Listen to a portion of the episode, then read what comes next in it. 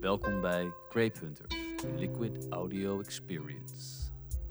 Deze tweede aflevering is alweer een tijd geleden opgenomen op mijn Sjogge Wijnfestival in Amsterdam-Noord in de Goudverzand. Samen met mijn partner in crime deze dag, Dana Forma, hebben we meerdere mensen van de beurs gekidnapt in onze geïmproviseerde glasbakstudio tussen alle flessen achter in de Goudverzand. Voldaan hebben we aan het einde van de dag de boel weer afgebroken en mengden we ons in de afterparty. Mesjogge was een groot succes. Zowel de wijnmakers, de distributeurs, de importeurs en liefhebbers waren allemaal aangenaam verrast en genoten van de ongedwongen sfeer in deze mooie setting aan het ei. Een gezellige dag en zeker voor herhaling vatbaar.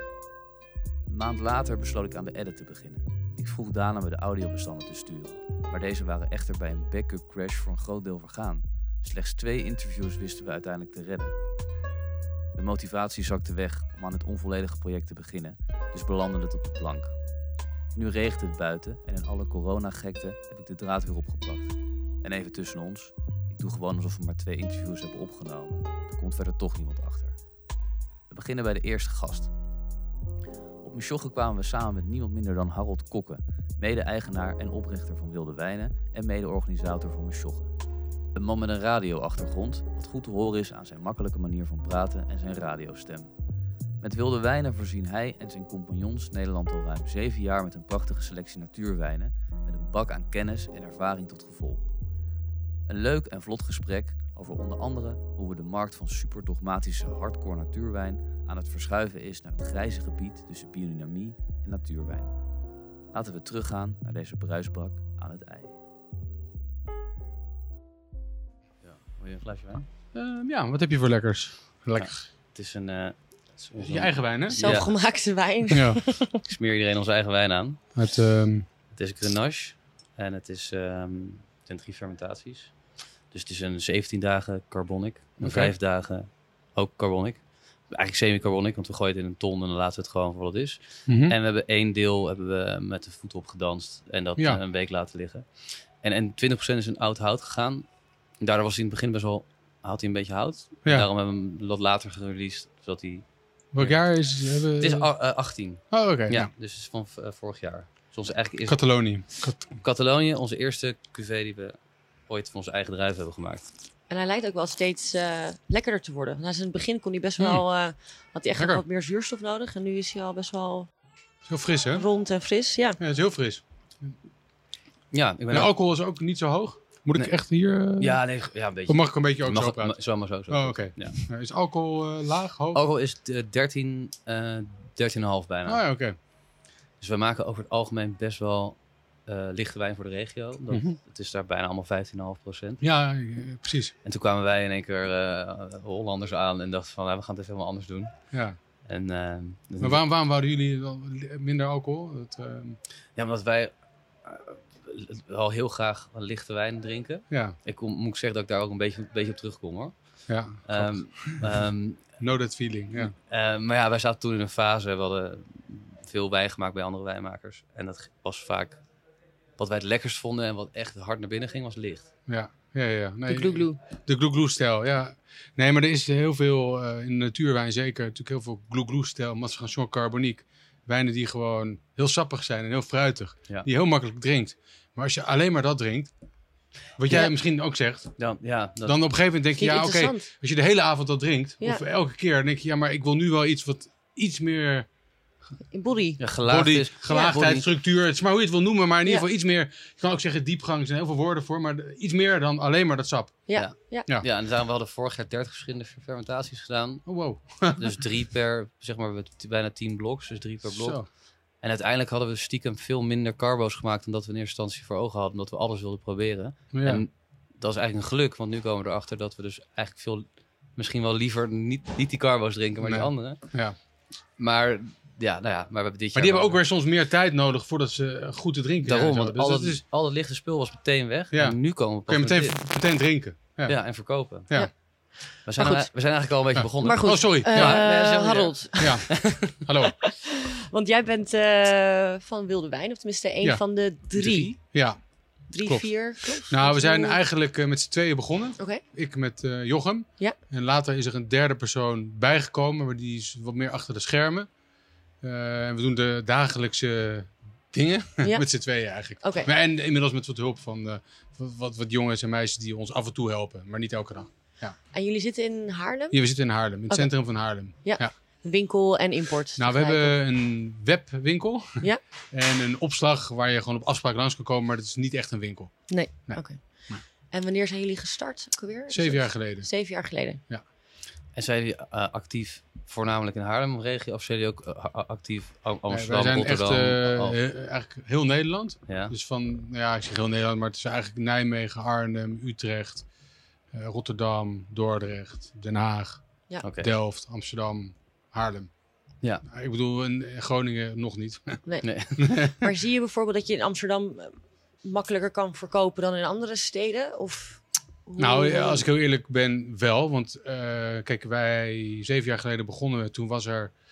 Kijk, ik, ik ken natuurwijn van Otterman. Ik weet Ja. of jullie wat zeggen. ja, Dat- voor, voor vlekken ja. nog even. ik toch? begon, Ja. eh, jaren negentig dronk ik mijn eerste fles Lapierre. En dat was voor mij mind-blowing. Ik dacht van holy fuck, dat wijn zoveel anders kan zijn. En zoveel fris en energie en lalala.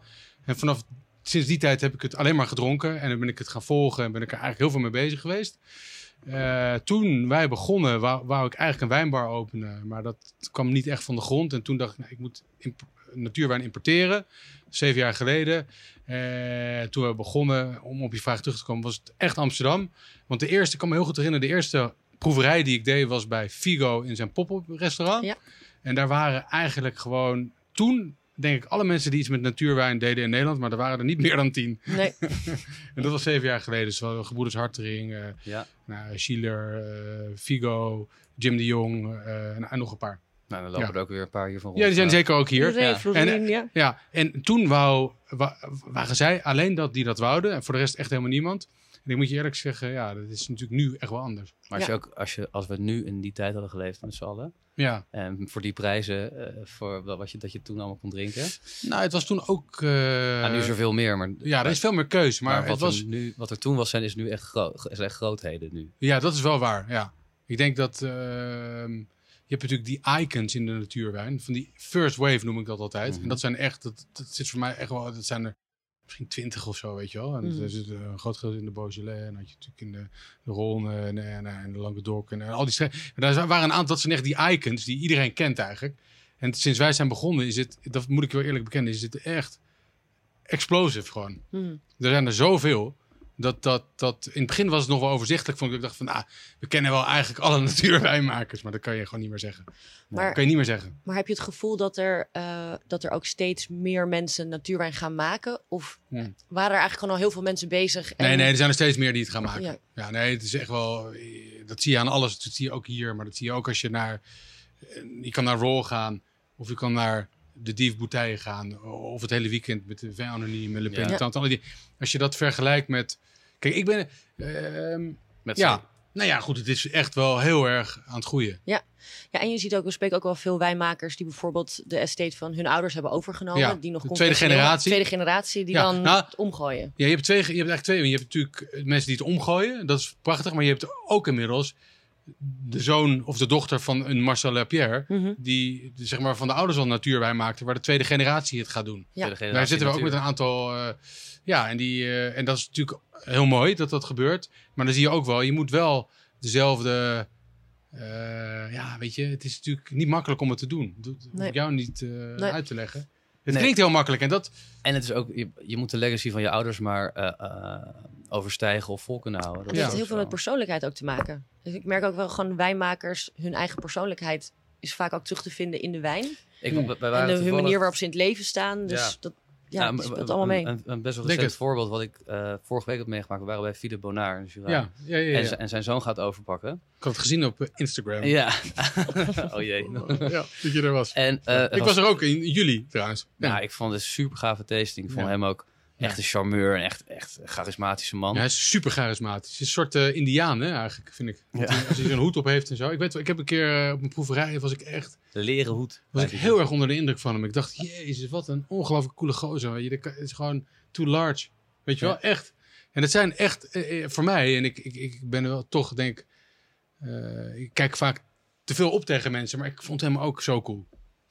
Philip. Ja. Ja. ja, maar dan heeft dus een zoon die dat dus dan nu opgepikt en Tony, overgenomen heeft. Toby. Eh, ehm, eh, Volgens mij, nou ja. nou, je moet- nou ik schuldig blijven. Maar ehm, en, die doet het dus heel anders. Dus Ja. hij pakt ook heel de wijn gaat er anders aan, laat Mhm. alles groeien. En hij zat echt, hij zat er zo naar te kijken van, dat zou ik zelf nooit zo doen. nee. En hij is het dan niet mee eens, maar het is misschien ook weer voor die zoon weer een, eh, ja, een vlucht, omdat hij toch nooit zo kan worden als dat zijn vader was. In ieder geval, het is ook, niet ook dan ook niet makkelijk als je het al... Ik heb er wel weinig van gedronken trouwens ook wel. In van de vader en van zoon? Ja. Van zoon ook. Ja. Ja, van En zoon- eh, zoon- totaal anders. Ja. Ja. Maar ik weet wel dat het een fles was waar hij heel veel aandacht had besteed. Zeg maar een soort reclame jong en een soort van ook bewaar deze fles niet, maar drink hem vandaag. Dat soort teksten staan er zeg maar op. Ja. Oh, ja, ja, ja, Allemaal in ja. het Engels. Eh, allemaal in het Engels. In het Engels. Allemaal in het wel Voor Ja. de international market. Ja. En, eh Hij heeft er eentje die heet Chard, Chardonnay. Charlotte Gay? Oh, really? Ja, want hij is, hij is, hij, hij is hartstikke gay. En dus hij, al, hij zijn- is- al zijn oh. flessen hebben iets van Iets gays. iets gays. Ja, Nou, dat is ook wel weer cool. is ook een markt voor, denk ik. absoluut. Nee, maar je ziet wel, het is natuurlijk die etiketten in die natuurwijn. En dat is echt, ja, is wel een big thing. Weet je, Ja. ze proberen natuurlijk echt heel erg veel op te vallen. En het is sowieso Nou. nooit klassiek. Ah, wij lopen daar een beetje tegenaan. Want wat, ja, wat, jij bent er precies. dat- wat moet je nou doen? Want het is Ja. het ene hi- hipster label naar de andere. We proberen een beetje ook nog iets Ja. ja, stabiels op te bouwen. Wat, wat altijd terug kan komen. Maar je ziet de meest rare labels. Ja, En- is ook zeker niet allemaal even mooi. En, nee, en eh, ja, maar je connect er wel op een bepaalde manier mee. Maar mensen connecten dus ook eigenlijk bij, daar hebben we het net ook over gehad, maar ook niet meer echt meer met de streek of met een druif, maar meer gewoon met een label, een etiket of met een dri- wij- wijnmaker. Ja, met een wijnmaker eigenlijk. Ja, met een ja. persoon. Want Dat, dat, dat herken ik ook wel. Want zo begon het ook wel voor mij. Dat ik echt dacht van, ja, weet je... ehm, want we, eh, als importeur hadden wij wel een soort... Of hebben we wel de regel van... Kijk, het is wel fijn als we met de wijnmaker... soort van elkaar begrijpen en vrienden kunnen zijn. En dat we, dat we hem echt als mens heel mooi vinden. En hem ook gunnen. en Gunnen, met, met want het gaat heel erg om gunnen. Want je, vergis je niet, dat weet jij misschien dat weet jij zeker. Kijk, je, je, hebt, je hebt elke keer de jaren. En eh, als je net begint, is prima, kun je alles proeven. Maar op een gegeven moment werk je, werken wij met iemand en dan geloven we in een wijnmaker. En zeggen we, nou, we nemen die wijn gewoon. En soms proef je het ook niet. En we, je hebt echt een heel, heel sterk vertrouwen in zo'n wijnboer. En het is echt, een, echt een, best wel een samenwerking, zeg maar. Ja, je wordt, wordt van vrienden, je bouwt Ja. een band op. Dat, Precies. dat is ook het allermooiste, vind ik, aan het hele, Ja. hele vak. Ja. Waar we met z'n allen in zitten. Ja, dat, Eh, dat, dat, is, dat is het. Allemaal een schakel eigenlijk uit zijn. Ja, en je, vindt het heel mooi om het, om het, om het ja, weet je, om het, ja, dat is zo vervelend, representeren, maar je wil het graag delen met mensen. Dat het zo'n bijzonder verhaal is hoe zo'n man, wijnboer of wijnvrouw, hoe je het wil noemen, dat maakt. En dat je daarin gelooft en dat je zegt, nou, dit moet- moeten andere mensen ook kunnen proeven. En er is soms zo weinig van. Ik bedoel, je kan het nooit, weet je, het is gewoon Ja. op de schaal dat, dat, dat, dat het eigenlijk altijd te weinig is. En ehm, dat zal dus eigenlijk al, denk ik, voor altijd zo blijven. Te weinig natuurwijn. Alhoewel er wel steeds Ja. meer grote jongens dus ook een shift gaan maken naar meer Ja. low, low intervention. Wat weer een opstap kan zijn voor mensen om een keer wat duurdere fles te kopen. Ja. Ehm, maar hoe, hoe eh, kijk jij er tegenaan, zeg maar, binnen nu een tien jaar, hoe de markt eh, verdeeld zou raken? Want er- Ja, nee, dat is een hele goede vraag.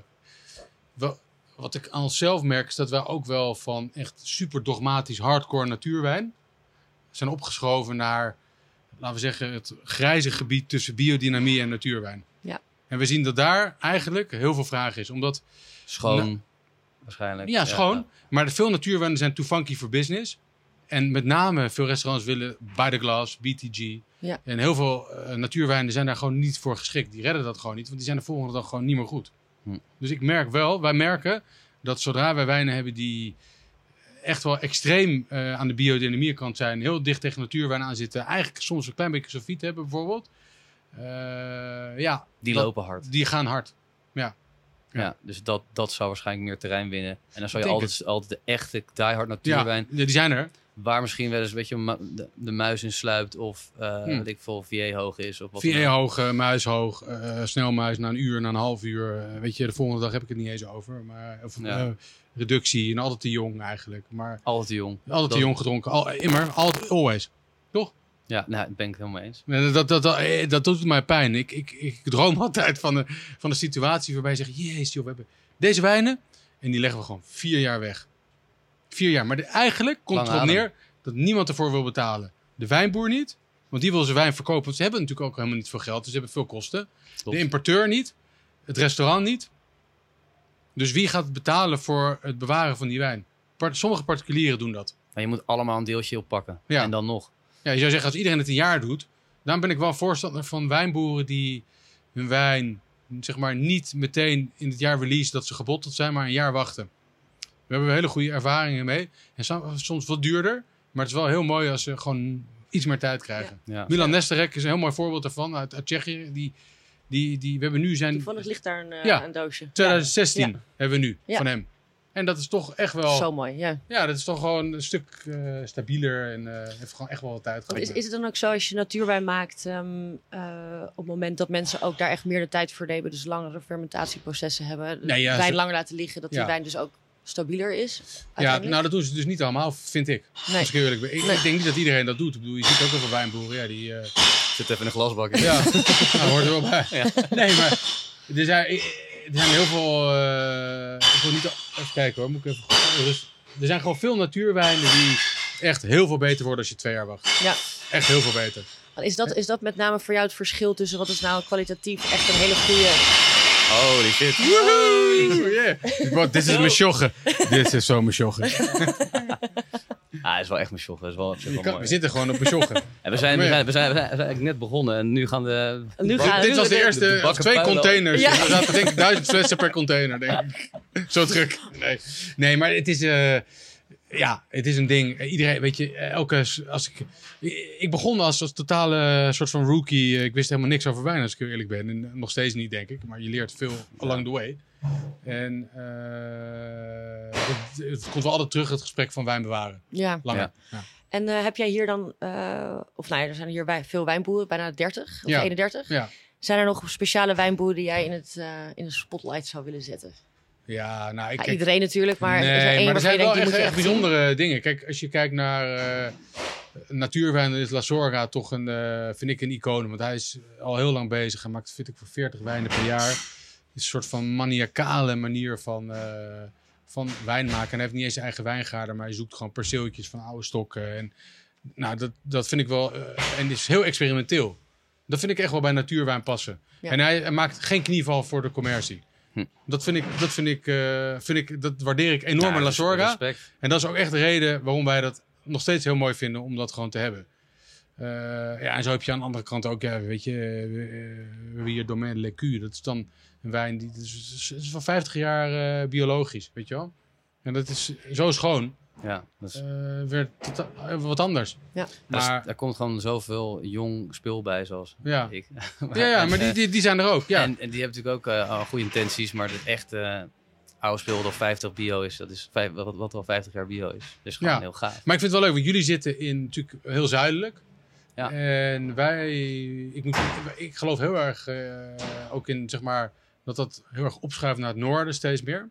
Dat, dat, die wijngebieden. Ja, absoluut. We hebben bijvoorbeeld uit Engeland, uit Sussex, en dat is echt, die zie ook hier, Tillingham. En dat is echt... eh, Ja, heb ik allemaal Ja. geproefd. Echt ja, waanzinnig. Top. ja, het is Ja. een ongelooflijk mooi, mooi spul. En dat is Ja. gewoon, weet je, er zijn Franse wijnboeren die hier zijn. Die zeggen, ja, England, why England, weet je wel. Maar ik zeg, ja. eh, proef het maar eerst Ja. even voordat je weer zo open. Zeiden ze doet. vroeger ook over Duitsland? Ja, ja. Ja. nee, maar precies. Ik durf ook te wedden dat we over, als we over 10 jaar hier weer zitten, dat we dat misschien wel 10 of 25 procent hybride is. Ja, ja. Want dat gaat ook, iedereen gaat inzien dat dat gewoon geen ziektes oppakt in de wijngaard, geen mildew, geen verlies. nee, nee. En ook een hele goede kwaliteit Ja. druif. Ik denk dat heel veel, dat nu nog vloeken in de kerk is bijna, maar ik denk dat dat waar, daar wel naartoe gaat. Ja. Nee, en ik- maar weet je, wat ik het allermooiste vind, is gewoon, dat meen ik, dat is dat als je hier kijkt, en ik vind die, die, soort van eh, sharing is caring, weet je, het is een wijze happy community Ja, rond warm. die natuurwijn. Ja. Ja. Iedereen is zo ongelooflijk vriendelijk en relaxed Ja. en open naar elkaar. En natuurlijk is er altijd wel iets, maar eh, toch, ik vind, vind dat wel bijzonder. En dat vind ik ook wel mooi bij deze soort van tijd passen. Dat het, eh, het is gewoon veel opener, weet je wel. En mensen, het is zo happy. elkaar. Geen pretenties? Nee. ja. En het is, gaat, vind je het lekker? Of niet? Ja, Weet en niet wel, al dat, en eh, het, al dat eh, eh, interessante gedoe ja. en eh chique gedoenerij en teksten. ah, weet je, het is gewoon best wel op de, op de intuïtie en op de emotie. En dat, dat, eh, zo zit ik zelf ook in elkaar. Dat vind ik gewoon, I like ja, that. en er zijn toch mensen op jacht, er lopen genoeg restauranthouders rond. Toch Altijd. Met, toch met een kladblokje eventjes en, Ja. en dat gaat dus puur Nee, emotie. kijk, je, die- we moeten niet naïef doen. Het is natuurlijk puur business. Anders zouden we dit ook niet doen. Want Nee. iedereen, jij wil je wijn verkopen, importeur wil zijn wijn verkopen. En we willen allemaal eigenlijk dat het bekend wordt dat iedereen het drinkt. maar Dus daarom- voor een uit de hand gelopen restaurateurs eh, proeverij zit toch best wel goed uitgepakt uiteindelijk. Ja, ja. Nou, maar, ik vertelde net ook aan, ik zeg, we deden vier jaar geleden wat in, hiernaast bij FC Jena. Nou, er waren 30 mensen. Ja. ja. Want hoeveel lopen er nu rond? Nou, we hadden 200, meer dan 200 kaarten in de voorverkoop verkocht. Dus ik denk eh, zeker 300, 300 of zo. man. Ja. Ja. Nou, en de sfeer is ook gewoon heel gezellig en laagdrempelig. Ja. Weet je, ook al is het een business, het is, zo voelt het helemaal niet. Het Nee, maar iedereen, ik, ik Ja. denk dat, eh, zeg maar, de- die- als je ziet, kijk, niemand heeft zin in een beurs, zeg maar. Nee, Ja. nee. En dan willen we ook voorkomen dat het een beurs is, Ja, toch? ja. Dus je probeert gewoon dat zo laagdrempelig mogelijk te maken. Met gewoon een relaxte vibe, muziek, een gave plek, al dat soort dingen.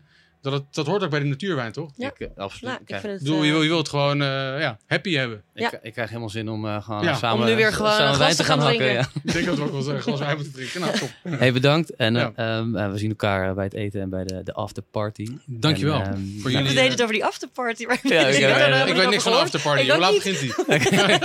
Het is allemaal geheim. Het is een geheime Ja, locatie. ik weet ook niks. Nou, dankjewel. Geweldig. Thanks. Yes.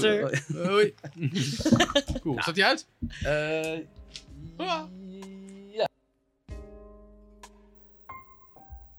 We gaan nu door met het tweede interview met Anders Frederik Steen. Anders is een wijnmaker in Valvinière, het zuidelijke deel van de Ardèche. Oorspronkelijk komt Anders uit Kopenhagen, waar hij als sommelier onder andere bij restaurant Noma heeft gewerkt. We praten over de opmars van natuurwijn, zijn wijnmaakfilosofie, zijn inspiraties en zijn uitdagingen.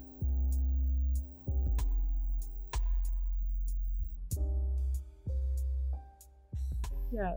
So, um, so how are you? You're you're just in Amsterdam for the weekends? Yeah, I came yesterday. Yeah. And uh, yeah, I'm driving back home tomorrow. tomorrow. Yeah. Okay, nice. Take the first train out. Of, uh, Yeah. And how how was your weekend? What did you do?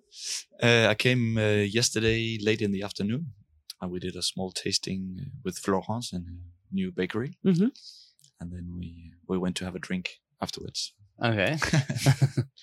And how Yeah. is today for you? Was it uh, was it a good day? yeah, very good. I think uh, I sense uh, more and more people interested in the wines that we make, and uh, and also you see more and more people go to the tastings, and and it's also for us very nice to be able to present the wines, yeah, directly to the people that are actually drinking them or Mhm. working with them in the restaurants.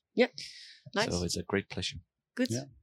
And just maybe as a short introduction, I mean, uh, Anders Frederik Steen is your name, and Yeah. you uh, currently live in a little town, uh, Valvinière, exactly. in Ardèche. yeah, in the southern part of Ardèche. Yeah. Yeah. And before you started making wine, you were living in Copenhagen, right? Yeah, I'm born just uh, outside Copenhagen. and Mhm. I lived my whole life in Copenhagen.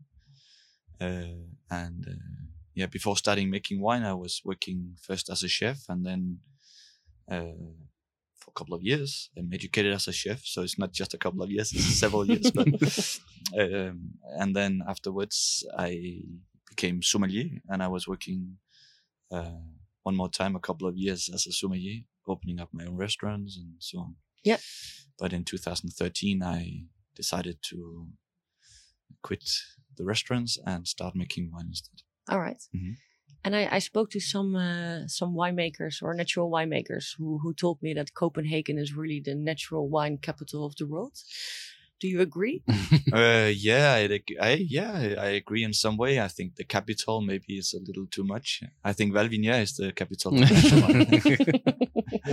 um, but of course, in Copenhagen, there's uh, there's a very uh, well developed uh, restaurant scene, Mhm. and also uh, I think more importantly is that in Denmark we have a big tradition of sharing what we know. Mhm. Uh, so, for example, two chefs that are working in different restaurants, they share recipes because they don't consider each other as uh, uh, to be in competition. Mhm. And likewise for the sommeliers, they when I was there, we worked very closely together in the different restaurants uh, because we quite fast figure out that the better you get, the better I get, and the better I get, the better you get, and so Yeah, on. yeah. So we don't risk anything by sharing what we know. Uh, Yeah. On the other hand, we get better wines, we get more interesting wine matches, and so on.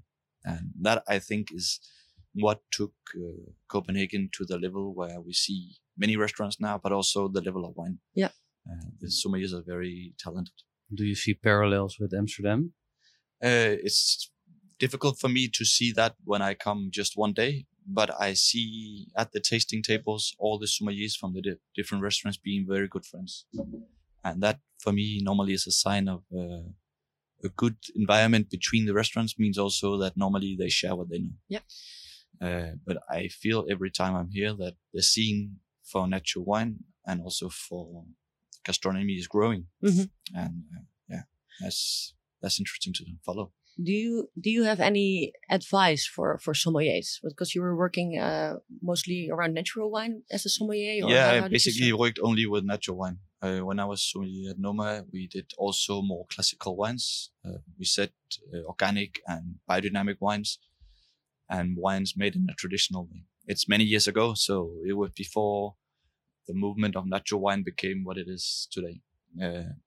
So if you're I talking around 2008 or 2007 uh, maybe. Yeah, seven. Oh, I can't even remember. Six, seven, eight, I think, something like this. Yeah, so it's yeah, a little more than ten years. Mhm. Uh, if I should recommend anything to or give suggestions to sommeliers today, I think uh, the most important thing uh, when you work with wine is that you only work with the wines you like yourself. Mhm. Uh, I think you should consider wine as a product in the kitchen. Uh, I mean, you don't see chefs working with vegetables or products they don't like to cook. Uh, Neither should sommeliers work with wines they don't like. No. So if you are very into classical wines, you should work with classical classical wines. It Mhm. will work for you.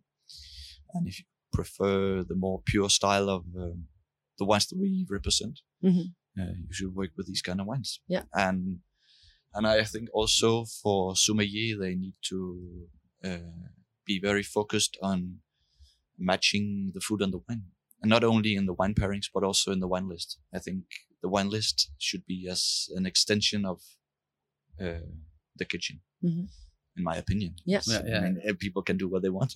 I, I would not tell anybody to do any specific thing, but I like that's the style of kitchen or restaurant that I like is when there's a big, uh, you know, when you see the connection between the wine list and the and the kitchen. And and during your your time at Noma, when when was this exactly? How how was it? 2000. Yeah, six, seven, eight. I think it was. Okay, you did it three years. Yeah, we Three did. I did two and a half, almost three years. And and was it also the time when Noma really started to to only pour natural wines? Yeah, small. Uh, yeah, small steps. We did. Uh, I don't know, 80, 60, 80 percent natural wine. After Noma, I I didn't work for any restaurants for one year. I wanted to finish my studies in London, Mhm. and then I opened up uh, Relay and Manfred's, two other restaurants. Yeah. and there, I think for the first time in Denmark, at least, we did only natural wine for this level of restaurants. And were you one of the first? In Denmark, yes, with Mhm. only natural wine, for sure, we were the first. Yeah. Uh, but now there's so many. There's so many. Yeah, yeah. But but. I, I can imagine that you also encountered some resistance when you were first pouring natural wine. How how how was it like? many people they we had a Michelin star in Relay, and I think many people they go to a Michelin star restaurant with a certain expect, expectation of the food can be very challenging, but the wine should be in a certain more conservative uh, level or style. And that caused us some problems. Uh, we were two young sommeliers that wanted to do this 100%. And uh, I remember some nights uh, being very tough. You know, colleagues of other restaurants telling us that we were not serious years. That uh, you know, reviewers from from newspapers telling us that we will never have a restaurant with a Michelin star because of uh, we served only natural wine and so on. Yeah. Wow. And that was tough to be able to continue doing what you believe. Yeah. When you get these kind of hits, it's uh, it's difficult. It takes courage, right? Mhm. And, uh, Yeah, yeah. And that's also when I see a scene like this in Amsterdam or in New York or you know Tokyo or places where the natural wines are well represented. I imagine that also the sommelier they need sometimes this uh, you know courage to continue what they do. mhm. Yeah, because you And keep pouring what they love. yeah exactly keep Yeah. going on. Uh, uh, you never see anybody saying to a chef that they should stop doing what they do and serve caviar and foie gras Mhm. Mhm. uh, because you see chefs as these creative uh, persons. Mhm. But I think more and more we should need to consider sommeliers as the same. They Mhm. are to be able to work with wine and pair wine and food is maybe more uh, it it demands more creativity and knowledge than to cook. I think. Yeah. And maybe let's let's talk a little bit about your about Yeah. the now Yeah, about the, the project that you're working because this now. was this was all very interesting but uh, you make the, the big step of becoming a winemaker yourself Yeah. um, and now you're in Ardèche making your like well in Amsterdam I, I think quite famous style of wines Yeah. are they are they they throwing uh, the glass again okay that's Uh, fine. um, can you can you tell us something about your um, the style of wine make uh, your- your style and your the different kind of bottles you have and how do you represent yeah anders yeah. Uh, the way we think uh, in winemaking is something for me. Uh, how can I say the most simple and most logic, most logical way I could imagine to make wine. Uh, I started out buying grapes from other winemakers that I knew already in Alsace and also in Ardèche, from Gérald Dustric and Jocelyne Dustric in, in Ardèche, and from the Banvat family in Alsace. And since the beginning, the system of making the wines, the technique has been the same. We simply taste the grapes and uh, so in that way follow the great the flavors that we like. Yeah. Some years you have uh, one variety that gives a very beautiful profile of something and you can leave it to ferment by itself. Sometimes there's a little too much of something or a little less of something. And we adjust with other grapes uh, the flavors that we we we like. So basically, I use maybe more my skills as a chef than as a sommelier or winemaker. When I make the wines, I I imagine that I adjust. Uh, I think I hope it's empty bottles. yeah No, but I I imagine myself cooking. You know, Yeah. you, you need to taste the grapes and. And even during harvest, you can in the beginning have a certain profile of acidity, and in the end, completely different uh, and that's also why we every every year change whatever what what whatever cuvee we make. We because you have so many different names and cuvées and yeah, we just counted now. We just launched a, a little website where we could write about all the wines because often people ask us about the wines. So I wanted to have a website where we could explain, and we saw that we made more than thirty-five different wines Yeah. since the beginning. Yeah, and you will keep making more and more Yeah, yeah, we make uh, yeah between uh, six and 10, 12 Yep. every year. So yeah, it's yeah. and how and, and how do you translate that to buyers so every time a new name yeah, we started out doing that. So I think our customers they are now used to it for our hand, and also the they know your style yeah they know they understand that nothing is the same, and one wine only represent uh, I say one moment in our life or one moment in harvest or in the year. So I think also people find it uh, interesting to follow this one wine, and then the next year it will be something completely different. Uh, and also for for the people one, wanting to buy it, it, they don't risk that much because if there's a wine they like a lot, it will be there for the year and for the following years. Mhm. Uh, if they don't like it, it's not like it's one cuvee of ours they don't like. It's just one wine, you know. It's, it's not something that we repeat every year. so when we constantly renew ourselves, we also renew our how to say appetite and curiosity and, and creativity. You know, we we never get stuck in doing the same method or making the same wine with the same terroir. Uh, for example, tasting like this, when I taste uh, wines from the other winemakers, it's it makes me immediately think of something that I I can never do what they do, but I can take what they do as an inspiration, Mhm. inspiration, and and do an experiment with it the Yeah. next year exactly search for the same components or same style or whatever. Just the small things in wine. Sometimes it's not the wine uh, in the total expression of the wine. It can be small elements, uh, the saltiness, the bitterness in the wine at a certain cuvee and a certain winemaker can be super well made hmm and that flavor profile I can search for in my own wines. It's sometimes it's flavors that you forget when you work. I work mainly in Ardèche, so I taste mainly the wines from Ardèche. hmm So when I taste Beaujolais, Syrah, uh, Alsace, uh, Loire, it gives me all these different flavors that I tend to forget because where of because of where I am. So when I retaste it now today, for example, or other tastings, it renew my way of thinking uh, in winemaking. So that's probably one of the things that you love the most about winemaking, just constantly able to experiment, cooking, Yeah. Yeah. finding new things. And and what will be like what would you see as as the biggest challenge being a winemaker? Wow, that's a big uh, question because there's so many challenges. Uh, You adapt every year to something new. yeah, that's it. And also, you have one year of work in the vineyard that can give uh, completely different uh, results, good or bad.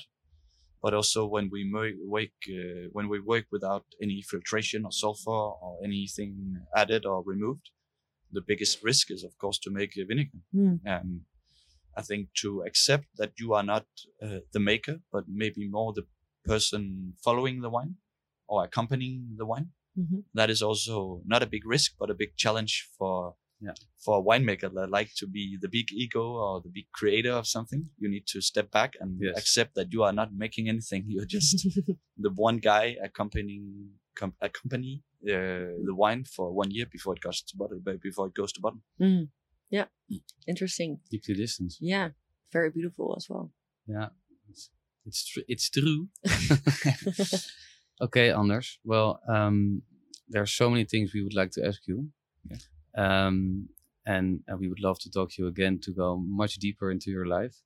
And You well, no, because I think there are many things we can talk about. Um, for now, uh, you've been a wonderful addition to the podcast for the Mesjogge edition, and um, yeah, I Let's think, go uh, back and uh, and, and drink some Uh, wine together. wine. Yeah. Thank, you, thank you very much for having me and welcome anytime in Ardèche. Please stop Yeah. by. for sure. Cheers, man. Cheers. Bye.